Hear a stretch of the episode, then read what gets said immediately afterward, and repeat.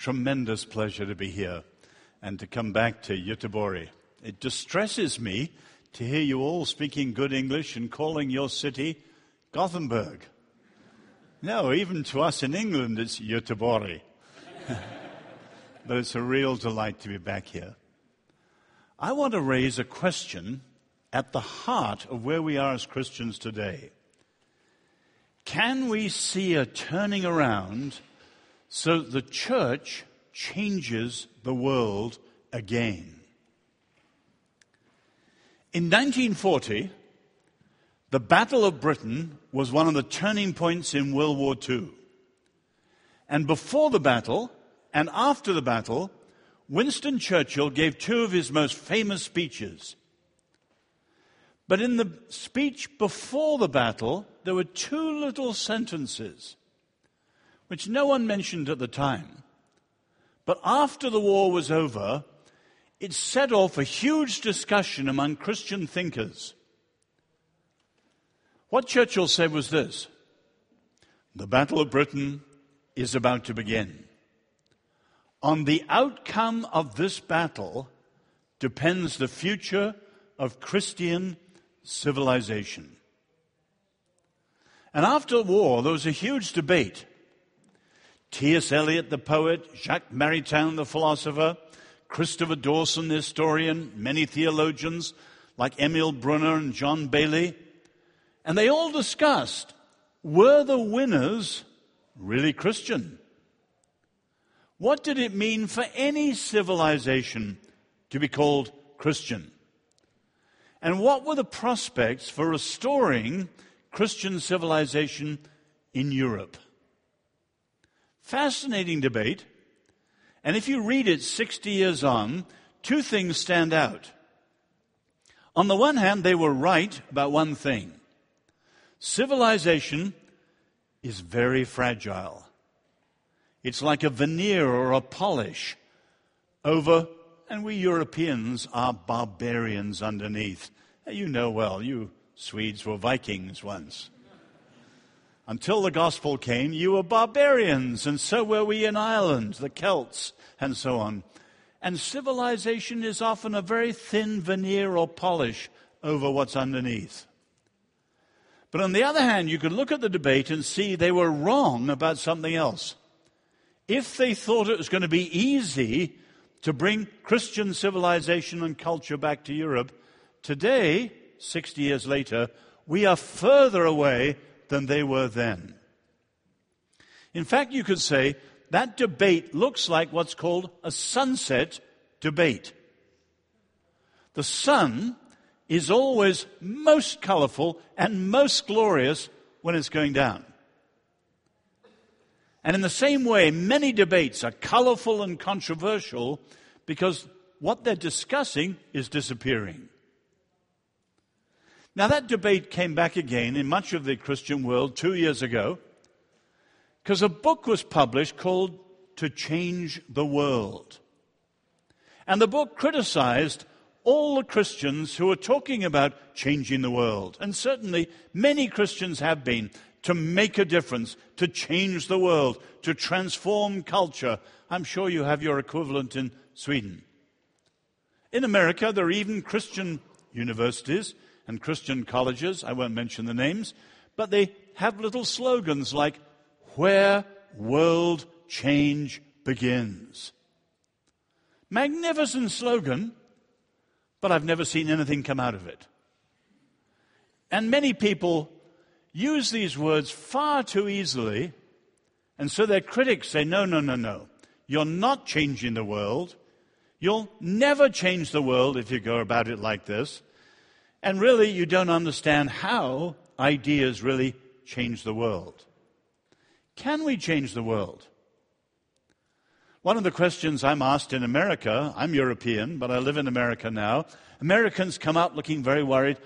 Are we going to go the way of Europe? You are the marker of how bad things might become if they keep on going down. Equal echo around Europe from Greece to Spain, Norway in the last 12 months. Many Europeans look at the bad numbers, the declining churches, the the darkness of the culture here and there, and they're gloomy. But I want to argue very simply tonight the gospel in the church has changed the world, and of course, it can do it again. The problem is not the gospel, the problem is us. And partly, we've lost the confidence and the hope in the gospel. Now, let me set out a number of points tonight, all far too briefly, and I want to use these for you to think in your churches, in your student groups, wherever. What are we doing in terms of responding to Christ in our European civilization today? First of all, though, as a background thought, hold in your mind the grand global tasks facing the church in the world today. The Christian faith is the world's first truly global religion. We are the most numerous faith on the earth. The church is the most diverse community on the earth. In many parts of the world, we are the fastest growing faith on the earth, and not through birth rate, but through conversion. And above all, the Bible is the most translated and the most translatable book in all human history. An incredible moment for the Church of Christ. But we face a number of huge tasks. The first one I mentioned last night we need to prepare the global south. Most of the growth of the church is in the global south. Asia, Sub Sahara Africa. The church is exploding today, and it's true. But most of the global south is pre modern. And what's done in the church in the West is captivity to the modern world. So, put simply, their challenge is coming. You can see, for instance, in China, when people move from the house churches in the country to big cities like Shanghai, sadly, many of them fall away because the big cities are a much greater challenge even than the persecution that they faced. And we have a lot to teach them in the West in humility, but above all, say to our sisters and brothers in Asia, in Africa, don't do what we did. And make sure that with all the evangelism that's happening, you also have deep discipleship. So there's the first great task for the church prepare the global south.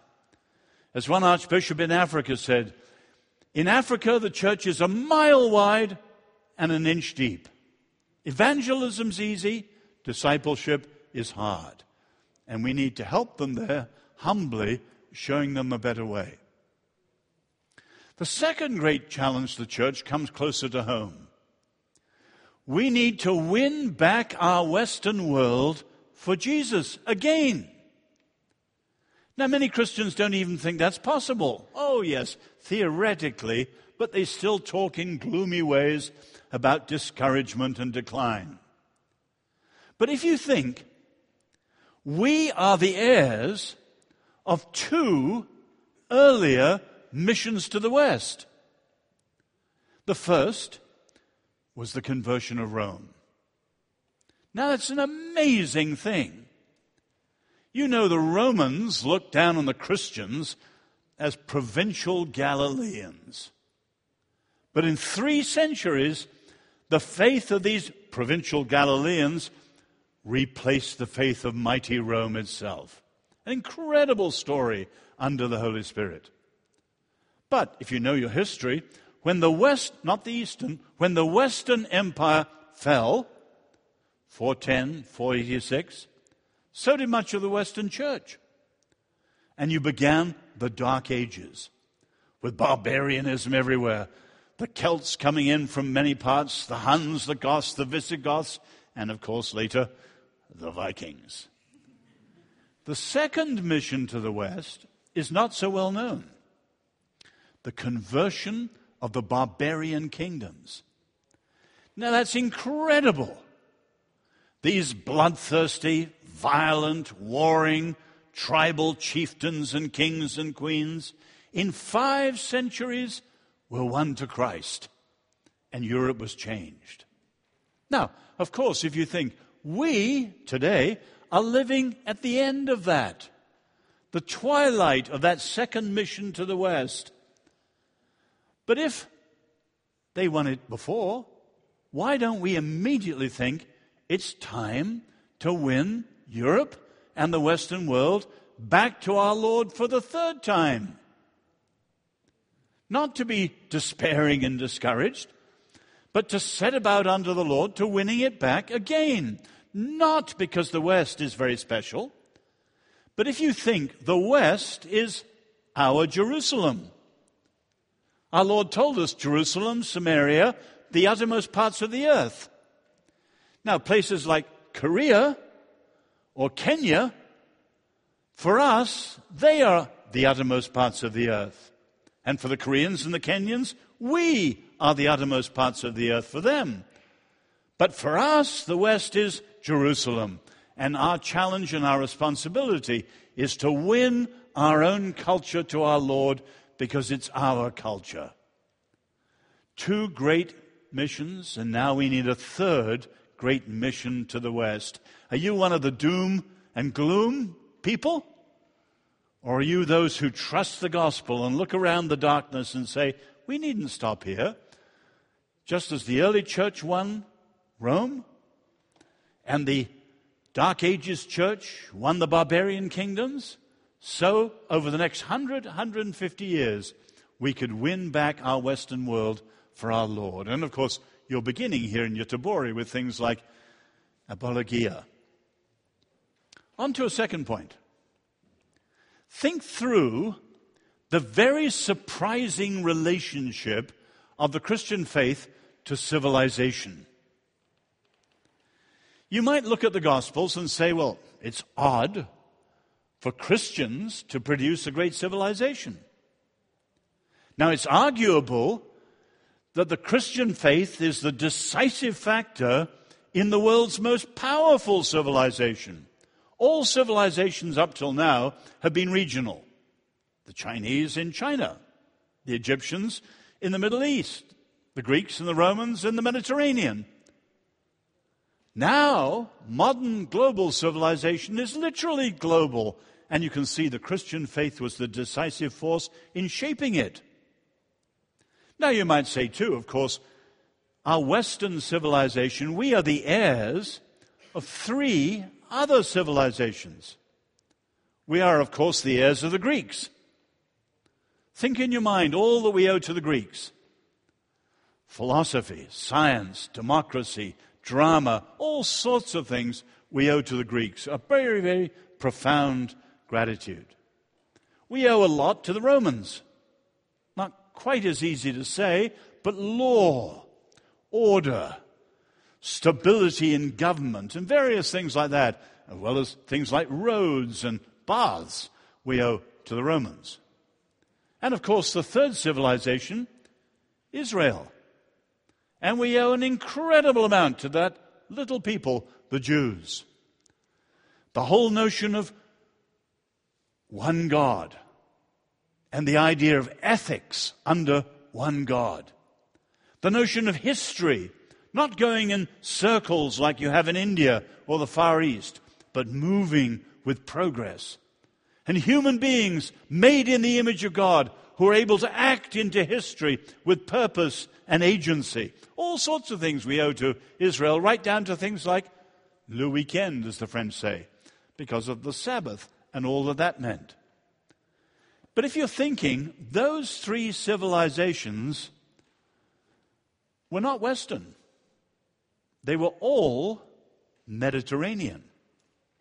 The West is not Mediterranean. At its core, it's Europe and wherever the Europeans have settled, like the United States and Canada and Australia, New Zealand, and so on. What was it that made the West the gospel? The gospel. Now you might say that's surprising. Our Lord comes and he says, John 8, I am not of this world. Ten chapters later, our Lord says, My kingdom is not of this world. Jesus renounces force and violence. He doesn't talk about many of the things that our politicians and our news reporters are talking about. They weren't of interest to him. And yet, and yet, the kingdom of God has grown and provided many of the gifts of this great civilization. Take the gifts of the Christian faith to the West. No other civilization has our philanthropy, a culture of giving and caring for the poor, for the sick, for the orphans, and so on and so on and so on. There's nothing like it in history. Or take our culture of reforms. Yes, we owe it to Amos, but supremely to Jesus in parables like the Good Samaritan, which has been described as the parable that changed the world. And you think of the banning of infanticide, or the stopping of the gladiatorial games in Rome, or Bartolome Las Casas standing against the conquistadores in Latin America, or William Wilberforce fighting against slavery, or Martin Luther King and civil rights, all of them, people of faith in Christ, inspired by faith in Christ, fighting for justice and humanity in the name of Christ. No other civilization has anything like it. Or take the universities. One of the most powerful institutions in the whole modern world. And where did they come from? Bologna, the Sorbonne, Oxford, Cambridge, and others. They came right out of the cathedral schools. And the Oxford motto, you sit under it in Oxford, Dominus Illuminatio Mea. Where does that come from? Psalm 27 1. The Lord is my light. And it was learning under the light of the Lord which gave us these incredible universities, now sadly have left the Lord but are shaping the world. Or you move on. Modern science may have started in Greece, it may have been helped by Islam, but it died. Where was it recovered? Through the Reformation. Or take democracy. People root that back to things like Martin Luther's teaching, the dignity of every human being, and so on. You go right on down to human rights. All these things are directly, sometimes indirectly, like capitalism, they're directly or indirectly the gifts of the gospel. But in a way, you'd say, very surprising. Because Jesus never talked about founding a civilization, he talked about the growth of a kingdom, his kingdom, and his way of life. And yet, and yet, it's produced these incredible things. Move on to a third point. You've got to do the thinking here. Explore the secrets of the cultural dynamism of the gospel. Why has the gospel been so powerful in changing culture? Not always, but mostly when the church is faithful. Why? Well, there are many answers, and we haven't time for all of them tonight, but I want to mention what I think is the central one. And that is St. Augustine and his understanding of the city of God living in the midst of the city of man. And Augustine is going back to our Lord, John 17. Jesus calls his followers, and you know the words, to be in the world. Finish it for me. Amen. In the world, but not of the world. Now, the trouble is you can say these things, I don't know about Swedish, but in English, very easy to say. In, not of. Or Romans 12, not conformed, but transformed. And you could go on down the line. You take the Israelites, they're called to plunder the Egyptian gold, but not to set up a golden calf. We're to be against the world, for the world. Now, these things are very balanced and beautiful, and preachers and speakers like me, you can roll them out like that. That's the principle. When the church is in the world, yes, it's in but not of. then the church has a creative tension with the world around it, and that creative tension is literally culture shaping. In, but not of, and the creative tension is culture shaping. Now, the trouble is very easy to say, very hard to do. In other words, we can be in the world and of the world, we're no use at all. We're worldly. The salt loses its saltiness. Or you can be so not of the world, you're nowhere near the world, and as people say, you're no heavenly use. But to be in it and yet not of it is the balance our Lord calls us to. And when the church is faithful, it always has a powerful cultural effect. Now, that means at any one moment, we have to look at ourselves and look at the church in our day and say, is it in but not of? I'm generalizing. There are parts of the Protestant liberal church that are so in the world, they're of the world and completely like the world. Very famous atheist who became a theist before he died, the great philosopher Antony Flew, he remarked one time about the liberal clergy they really are saying what the atheist next door believed anyway, but putting it in Christian language. They're in the world and of the world. And Protestant liberalism is about as weak as it's ever been. But let's be honest. The other extreme you can see in a certain pietism and in a fundamentalism, which is so concerned to be not of the world, it removes itself. It's not salt and light either. We've always got to be engaged without being equated. Engaged without being equated.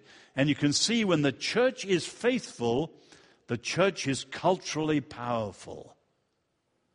So you need to look. I'm not, I don't know the church in Sweden very well, but living in America now, you can see the consumerism creeping in. Or Christian preachers who are all faith in faith. Not faith in God, but faith in faith.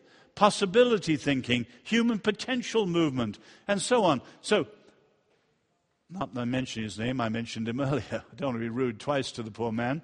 But when he published his recent book that I mentioned this morning, he appeared on a television show a week or two ago with Deepak Chopra. And here's this Hindu potential thinking saying to our Christian preacher, Oh, what you're saying exactly the same as we say.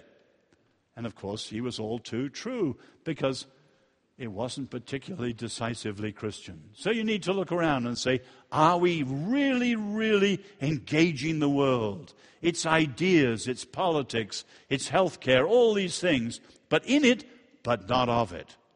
Because we are decisively, distinctively Christ's people in our thinking and our living. The secret of cultural dynamism. Go on to another one. We need to explore and count on the unique dynamics of the kingdom. The kingdom spreads and works in certain ways, and we need to be in line with those and not our own ways. Now, we're at a very interesting stage in history. There's a huge amount of excellent scholarship that understands how ideas change the world, how ideas shape culture. For example, there's a book, I'll mention the name, but don't get it. It's 800 pages long, and you don't want to drop it on your toe, and I wouldn't take it to a beach if you want to read something light in the summer. But it's called The Sociology of Philosophies How Ideas come down and change cultures. And the man in his 800 pages looks at all sorts of thinking from the ancient Chinese and the Egyptians right down through the Enlightenment and the Greeks, right down to our own time. And his lessons are accurate. You can see how human ideas shape the societies that the thinkers live in. And there are basically three little principles now, don't misunderstand me. These are secular principles, but they're accurate. We've got something to learn from them, but they don't go far enough. Let me mention the three because two of them, we who are evangelical Christians, are not very good at.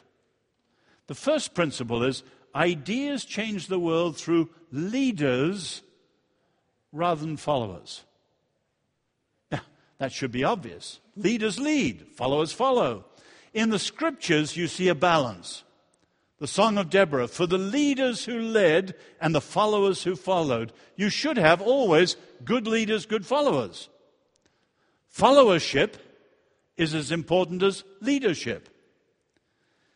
But we evangelicals, since the Second Awakening in the 19th century, have tended to put all the emphasis on followers, on mass movements, on ordinary people, and we're suspicious. We're resentful. We reject often leaders. Catholics make the opposite mistake. They stress leaders, leaders, leaders, and often elitist. But you see, we need to learn leaders are incredibly important, especially what's called gatekeepers. People whose positions, official, informal, are in the doorways of influence and power. And if you win a leader, you win all the people through the doorway that the leader is standing in. Take the conversion of the barbarian people, including the Vikings. You know how the missionaries worked. It was not easy to win a tribe. You didn't go in and win them one by one, by one. That's modern, because we're individualists. But the tribe came together. It all depended on the top dog, who was the king or the chief. And they were often pretty tough nuts. But if you read the story of the conversion of the barbarians, how did the missionaries go? They were very ca- ca- clever. Often they won the queens, and the queens won the kings, and the kings brought the tribes. They figured out the power relationships and they won the right person, in this case, the women. And the women brought the men. Leaders rather than followers. Incidentally, there's much more leadership in the New Testament than many Christians notice. We think they were all fishermen, they were all peasants, none of them knew anything. Well, look at the Apostle Paul. Or take, say, converts like Joseph of Arimathea. Or take the first convert on the island of Cyprus when Paul goes there. You know who the first convert was? The governor, the top man on the island was the first convert. There are many, many more leaders in the New Testament, and often we read them as evangelicals and just ignore them because we're sure that everyone was like Peter and a peasant and a fisherman or whatever.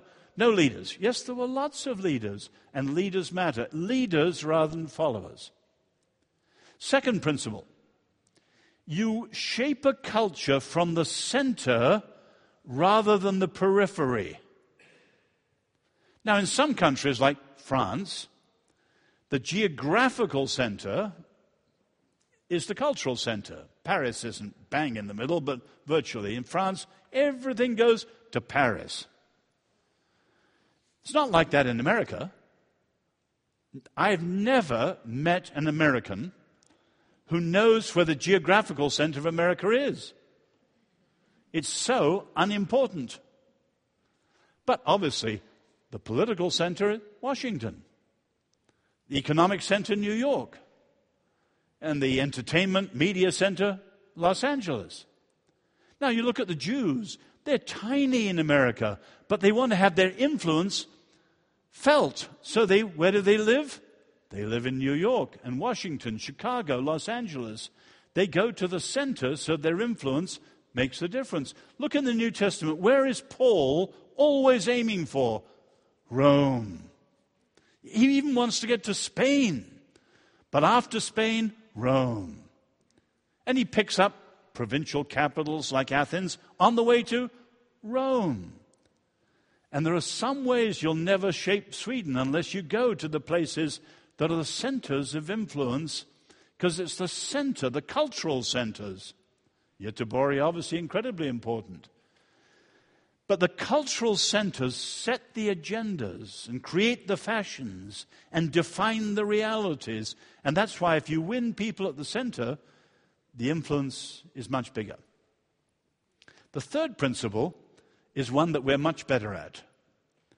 You shape a culture through networks rather than individuals or institutions. We're good at that, of course. Take the disciples a network. Or the Benedictines before the Reformation. Or after the Reformation, the Moravians with their hundred year prayer meeting. Then Wesley's cell groups. I'm an Oxford man. We have had 26 prime ministers in Oxford. Cambridge only has two. But all the histories of Oxford say that the most powerful man in Oxford was John Wesley. Through his cell groups of disciples, disciples of the Lord, not John Wesley, he lifted 20% of England out of poverty in one generation. Not because he tried to, because they were now practicing as Christians honesty and thrift and things like this. And his networks, incredibly powerful. Or take William Wilberforce. He had a group called the Clapham Circle. There were never more than 20 of them in Parliament. But after a few years, they were known as the conscience of England.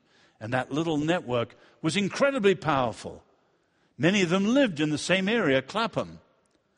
Some of them were concerned with the reforms of the empire in England and uh, in India. Some of them are founding Sierra Leone, which you probably know. Sierra Leone was founded as a country to be a home for freed slaves by Christians. Some of them were founding the world's first Bible Society. Wilberforce did that. Some of them were founding the National Gallery of the Arts. He did that too. They founded the first Society for the Protection of Cruelty to Animals, the RSPCA. He did that too. So Wilberforce is described as a prime minister of a little cabinet of people doing all these different things. Why? They were a network. They encouraged and inspired each other and so on. And I would challenge you terrific apologia. But the real test 20 years' time. 20 years' time, 30 years' time. And then you're followed by another generation coming after you. And slowly you'll see the generations piling up. I'm thrilled to see the members of parliament in Stockholm who were here 30 years ago when I had the privilege of coming. Now, members of parliament, praise the Lord. And so on and so on and so on. Networks. You take C.S. Lewis. Any of you ever been to Oxford and seen the little pub? Officially called the Eagle and Child. We call in Oxford the Bird and Baby. Anyway, tiny little pub. One of the smallest, most nondescript pubs in England. But C.S. Lewis J.R.R. Tolkien, Dorothy Sayers, and all these people, week after week, their networks discussing their books. They had no idea that millions of people would be reading the Narnia Chronicles or, or, or Tolkien's works on seeing their. They had no idea. But that little network did it. You have no idea what your little networks here could do down the, the, the generations as you're faithful to Jesus. Now, those things are all true leaders rather than followers, the center rather than the periphery, networks rather than institutions are in. But here's the point those are all secular ways of seeing things. That is not really how the kingdom works. And we need to add to those the way the kingdom works. And I'll mention three of the kingdom principles. First, it is always the Holy Spirit who leads. Take the book of Acts. It's not the Acts of the apostles, it's the Acts of the Spirit of God. How does the gospel get to Africa? No one has the bright idea of taking it to Africa. The Spirit sends Philip to a crossroads where he meets the Ethiopian eunuch, and the gospel gets to Africa before it gets to us in Europe. How does it get to Europe? Paul didn't mean to go to Europe. Paul had no intention of going to Europe. You read the middle of Acts, and he's going to Asia Minor, Bithynia, and he, he tries, he's checked, he's blocked, he's frustrated. His best efforts aren't working out. The Spirit speaks to him through the man from Macedonia. And one historian says, when that little rabbi, nobody knew Paul, scruffy little rabbi, when he crosses over from Troas in Asia to Philippi in Europe, that one visit had more impact on the whole of world history than the great Battle of Actium, which took place a few miles away. They followed the Spirit. How did the gospel get to us Gentiles? I imagine there are very few Jews and converts to Christ from Jews here tonight. We're Gentiles. If Peter had had his way, the gospel would have been a nice little Jewish sect. And the Holy Spirit blows Peter's prejudices and sends him down to Gentiles. Now, let's be frank. We Western Christians, and I include myself, I'm ashamed, we are much more secular than our brothers and sisters in the New Testament, and our brothers and sisters in Africa, and our brothers and sisters in China. Most of my African brothers and sisters have gifts like healing and things like that given to them by the Lord when they come to Christ. How few of us do. I was saying last night, often we live like functional atheists. And we've got to remember it's the Spirit that leads, not our bright ideas. Secondly, you see the kingdom. The kingdom often works in surprising reversals. Jesus says the last first, the first last. The humble exalted, and the, exalted humble. As Mary says, he brings down the mighty from their seats and lifts up the humble and the lowly. That's the kingdom. And the Lord works in very surprising ways. So I said leaders, and we've got to see where they are. But the Lord works in the oddest ways that surprise all of us, and we're always open to that. The great reversals of the kingdom. But the third principle you see in the scripture the kingdom is always organic rather than organizational, and great culture is usually a byproduct, not a goal, a byproduct. You do have startling exceptions. I mentioned Wilberforce. He fought slavery for 47 years, and slavery was abolished three days before he died. And at his memorial, one man said, How extraordinary the end of his life and the end of his labors coincided. That's very rare. Most Christians are like Hebrews 11 people who see things that are way beyond their lifetime. And by faith, they pursue kingdoms whose architect is the Lord. They don't see them built in their lifetime but they're the men of vision and hope and faith that the Lord wants. We're not guaranteed that the things we're working for will, will be seen in our lifetime. Maybe our children or our grandchildren or whatever. But we have the vision and we have the faith and we trust God and we do it. But great culture. Rembrandt's, Johann Sebastian Bach, the Dostoevskys, these things are byproducts. We don't sit down and say, we want to have 10 Dostoevskys in the next generation. We don't sit down like management people. Vision, mission, next steps, timeline, measurable outcomes, all in our little yellow pads, and then we leave together and go and do it. The kingdom doesn't work like that. Jesus said it's like a seed. Plant it and it grows invisibly, automatically, surprisingly. And that's the kingdom, organic. And we've got to remember we're part of a kingdom that is not organizational. It's fundamentally organic. One last point.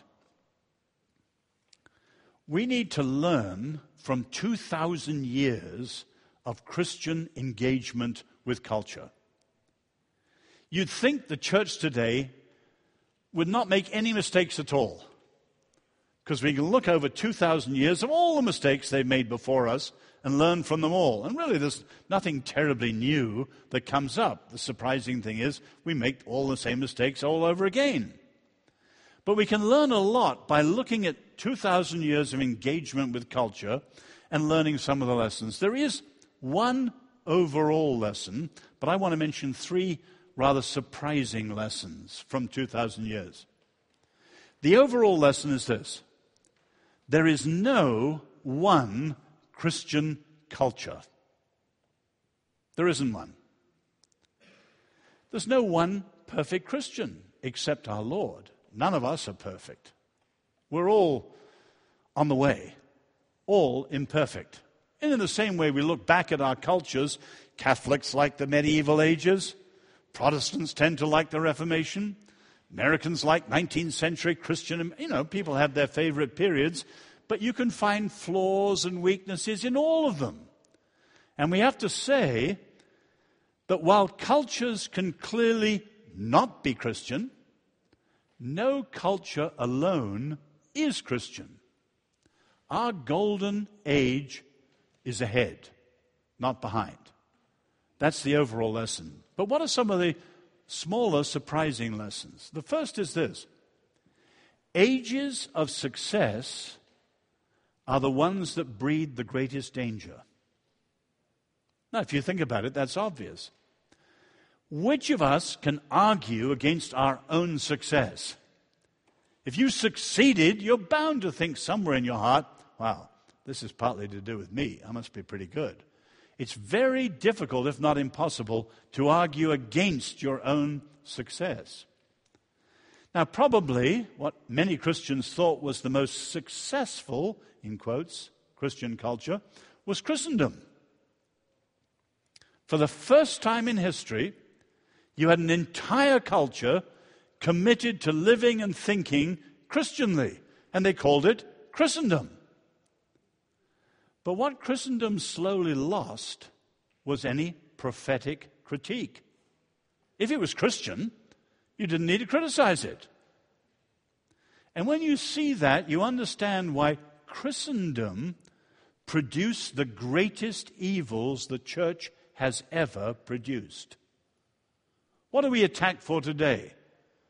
The church and the Inquisition, the church and the slaughter of the Albigensians, the church and the Crusades, the church and the St. Bartholomew's Days massacre. You go on and on. All of those were the product of what?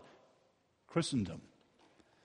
Because when the church is very successful, it's very hard to argue against it. And we need to make sure when our churches grow or movements are successful, we always listen, above all, to the Lord and the Word, but also prophetic voices who point out, well, we may be going wrong and we're too big for our boots. The second lesson is more encouraging, although it sounds like a cliche. The darkest hours truly are just before the dawn. Of course, that's the story of every revival. Five minutes before revival, everything looks terrible. You know that in your Swedish history with your wonderful traditions of recurring revivals. Five minutes before, things look terrible. Five minutes after, the Spirit of God has spoken, the Spirit of God has fallen, everything's different. In 1798, Thomas Jefferson, one of the American founders, he was saying evangelicalism was about to disappear, and Unitarianism and the Enlightenment was going to sweep America. And then within three years, the Second Awakening, and a huge revival. And Unitarianism had almost disappeared. And the first 50 years of the 19th century were the evangelical century when the Spirit of God speaks, however dark it is five minutes earlier, the darkest hours are just before the dawn. We need never be discouraged. Only bring our needs and our whatever's to the Lord in prayer. But the last lesson is the one that particularly those of you under 25 need to think about. The church always goes forward best by going back first. Now, that's against everything today. In the old days, there were three faces of time the past, the present, and the future. The only one people knew about was the past because it had happened. Nobody knew much about the present, lived in small towns or whatever, and nobody knew anything about the future. Now, though, as modern people, we have instant, total information about the present, and you can see the whole world as it happens today, the internet and so on. And now we have futurists who are telling us what it will be like in 2020, 30, 50, 70. I've got a book on my desk, The Next Hundred Years, as if the man has any clue. Now, in a world like that, the important thing isn't the past. Oh, no. The important thing is that moment when the future touches the present. And if you can get that moment when the future becomes now and seize it, politically, economically, whatever it is, then you can make your fortune, then you'll have power. And so there's an obsession with the latest, greatest, new, new thing. And you've got to be relevant and up to date. Don't, for heaven's sake, be behind. The worst thing is not left behind like Tim LaHaye's books. The worst thing is left behind technologically. I mean, there was a day when blackberries were cool and up to date. Now they're almost extinct like the dodo. And even the Apple iPhone is beginning to show its problems. But for heaven's sake, you mustn't be, oh, yes, so yesterday. Now, in that climate, the present generation wants to be hip, cool, up to date, relevant. So you think the idea of the church has got to be hip, cool, up to date, relevant. No. The church goes forward best by going back first. You say you can't turn the clock back. You can't turn the clock back scientifically. You can't turn the clock back technologically. No, that's true. But you can turn the clock back culturally and morally and spiritually. Take two of our greatest Western movements of ideas the Renaissance and the Reformation. Both of them highly progressive in the long run. Both of them went back. The Reformation, of course, to Jesus and the Scriptures. The Renaissance to the roots of classical learning. They went back first and went forward fast, and so should we. So don't fall for the crazy modern idea that we've got to be obsessed with futurism and all that nonsense. The church goes forward best by going back first. If we're weak, is it the Lord that's wrong, the scriptures that are wrong, or us? Well, we've got to go back to the scriptures and see where perhaps we're not as Christian as we thought we were. We've got away from Jesus, and we've lost something he's saying, and so on. Let me wrap this up. In that debate 60 years ago that I mentioned, one of the people, Christopher Dawson, a great historian, he raised a very simple question.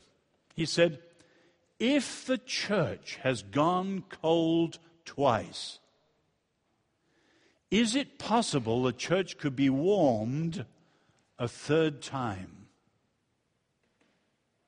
How would you answer? Well, Dawson says, of course, every Christian would say yes. But he said, we must not answer too quickly and too easily, because this time it's not the fate of civilization, it could be the whole future of humanity that depends on the answer. And I think he's right. We're not just talking about ourselves but something quite extraordinary for the future of humanity and the entire earth is at stake. Karl Barth, the Swiss theologian, once described Martin Luther, you probably all know Luther's life. He described Martin Luther as a man climbing up the steps of a dark cathedral tower, steep and dark and somewhat narrow, and afraid that he might fall, he reached out for the stair rope going up the stairs. And feeling in the dark, he felt the rope and leant on it to steady himself, and to his amazement, heard a bell ringing above him. It wasn't the stair rope, it was the bell rope, and he woke up the whole countryside. What was Barth saying? Luther didn't sit down and say, Reformation and all the things that a modern management study would do. No. Luther was passionate, this miner's son. We all know him with his turbulent character. He wrestles with God. He wrestles with his conscience. He wrestles with the church. He wrestles with his corruptions. And out of this turbulent, passionate man's wrestling comes what we call reformation as a byproduct of his passionate seeking for God in the craziness and corruption of his time. And I would just urge all of you, we all come in situations, I'm not being critical of the church, but we know we're not what we should be, surely, today. In England, in America, here in Sweden, Denmark, Norway, wherever, France, goodness. But don't be discouraged. Don't be discouraged. Wrestle passionately with the Lord and with the scriptures and with all that you see around today and say, is this that we're seeing all that's supposed to be? There must be something better and wrestle individually, wrestle together, wrestle in apologia, wrestle in your churches. And by God's grace, we will see a new reformation, a new revival, and maybe even a new flowering of Christian influence that's a renaissance in our time.